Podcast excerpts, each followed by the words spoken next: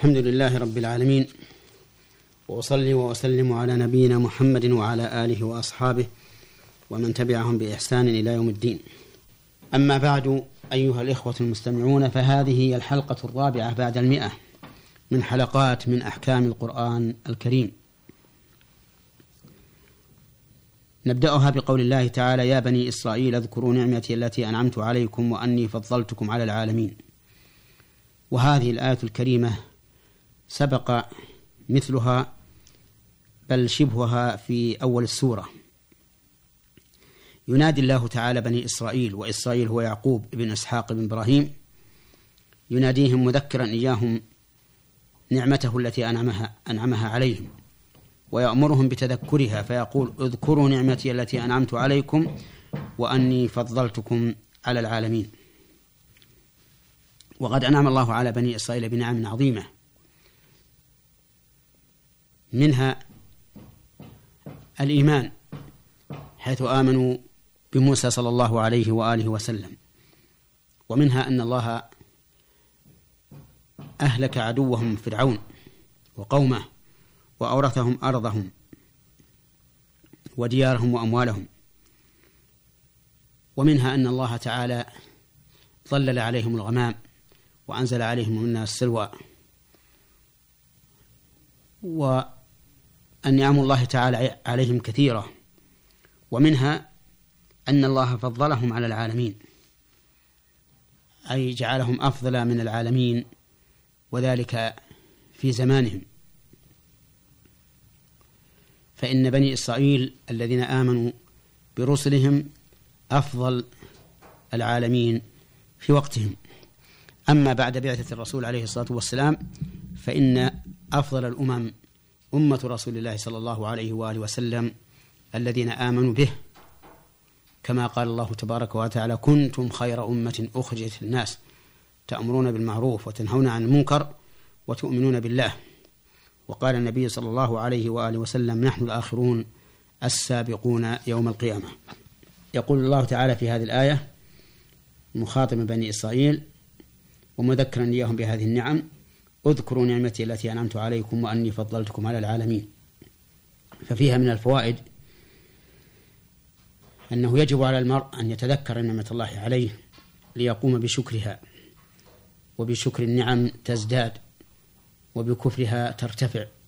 قال الله تعالى وإذ تأذن ربكم لئن شكرتم لأزيدنكم ولئن كفرتم إن عذابي لشديد. ومن فوائد هذه الآية وأحكامها أنه يجب على بني إسرائيل أن يؤمنوا بمحمد صلى الله عليه وآله وسلم لأنه مرسل إليهم فعليهم أن يتبعوه. شكرا لله تعالى على ما أنعم به عليهم من هذه النعم التي تميزوا بها عن العالمين في وقتهم. ومن فوائد هذه الآية الكريمة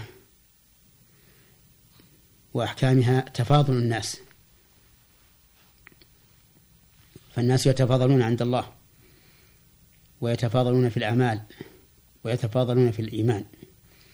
قال الله تعالى هم درجات عند الله. والله بصير بما يعملون. وقال تعالى ولكل درجات مما عملوا. وقال تعالى تلك الرسل فضلنا بعضهم على بعض. وسئل النبي صلى الله عليه وآله وسلم أي العمل أحب إلى الله؟ قال الصلاة على وقتها. ثم أي قال بر الوالدين ثم أي قال الجهاد في سبيل الله. فالأعمال تتفاضل والعاملون يتفاضلون بحسب ما عندهم من العلم والإيمان والعمل الصالح. ثم قال الله تبارك وتعالى واتقوا يوما آه، ممكن أن نأخذ فائدة مما من الآية السابقة وهي أنه يجب على من فضله الله على غيره بعلم أو مال أو عمل من شك من الشكر ما لا يجب على من هو دونه. وذلك أن الناس قسمان. قسم أنعم الله عليهم فابتلاهم بالنعم.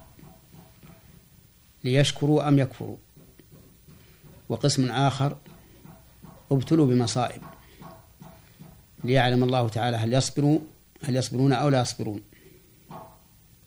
ولكل فيما ابتلي به وظيفة. فمن ابتلي بالخير فعليه وظيفة الشكر ومن ابتلي بضده فعليه وظيفة الصبر. وكلما عظمت النعم كان الشكر عليها أوجب.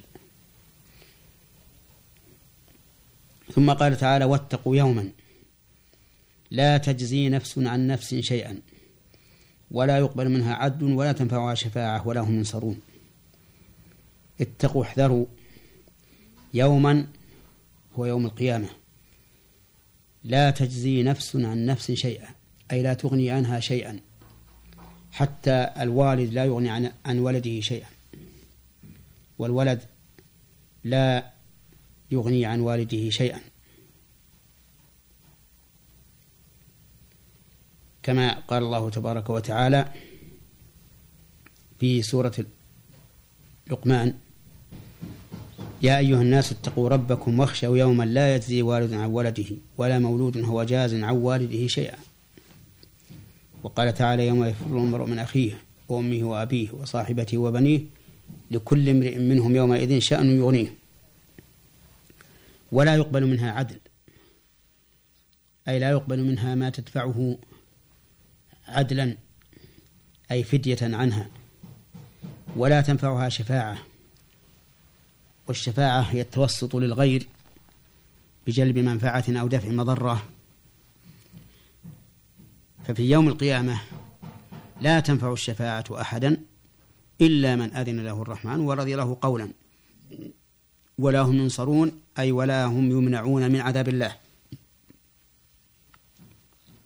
ففي هذه الآية من الفوائد والأحكام وجوب الحذر من عذاب يوم القيامة لأنه هو المراد بقوله يوما لا تجزي نفس عن نفس شيئا. ومن فوائدها وأحكامها أنه في يوم القيامة لا ينفع أحد غيره شيئا. بخلاف الدنيا فإنه قد ينفعه بشفاعة أو أو غيرها. أما في الآخرة فلا. ومن فوائد هذه الآية وأحكامها وجوب الحذر من هذا اليوم العظيم الذي لا تنفع فيه القرابة ولا تنفع ينفع فيه الفداء ولا ينفع فيه الشفاعة وإنما الإنسان وعمله ومن فوائد الآية الكريمة وأحكامها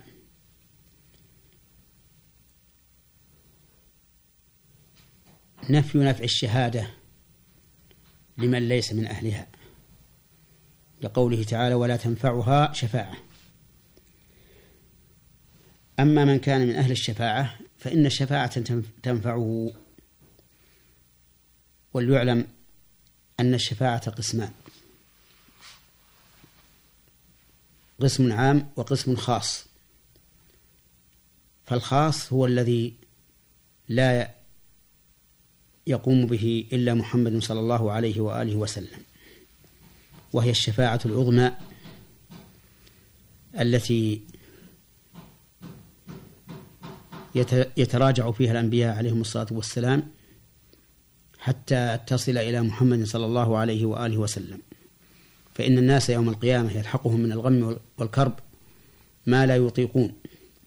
فيأتون إلى آدم يطلبون منه الشفاعة فيعتذر ثم إلى نوح ثم إلى إبراهيم ثم إلى موسى ثم إلى عيسى حتى تنتهي إلى رسول الله صلى الله عليه وآله وسلم محمد فيقوم ويشفع بإذن الله سبحانه وتعالى. وهذه خاصة بالنبي صلى الله عليه وآله وسلم. وقسم عام تكون للرسول عليه الصلاة والسلام ولغيره من المؤمنين من الملائكة والبشر ومنها الشفاعة للميت في الصلاة عليه. قال النبي صلى الله عليه وآله وسلم ما من, ما من رجل مسلم يموت فيقوم على جنازته أربعون رجلا لا يشركون بالله شيئا إلا شفعهم الله فيه. وهذه عامة كما قلنا تكون للأنبياء والصالحين من البشر وتكون كذلك للملائكة. ومن فوائد الآية الكريمة قطع آمال المشركين الذين يعبدون الأصنام ويتخذونها شفعاء عند الله فإنها لا فإنها لا تنفعهم يوم القيامة. خلافا لما يتوهمونه من أنها تنفعهم حيث يقولون ما نعبدهم إلا ليقربونا إلى الله زلفى وقال تعالى ويقولون هؤلاء شفعاء عند الله. فلا تنفع الشفاعة إلا من أذن له الرحمن ورضي له قولا. نسأل الله تعالى أن يلحقنا وإياكم بشفاعة محمد صلى الله عليه وآله وسلم وأن يجمعنا وإياه في جنات النعيم. إنه جواد كريم. والحمد لله رب العالمين وصلى الله وسلم على نبينا محمد وعلى آله وأصحابه ومن تبعهم بإحسان إلى يوم الدين.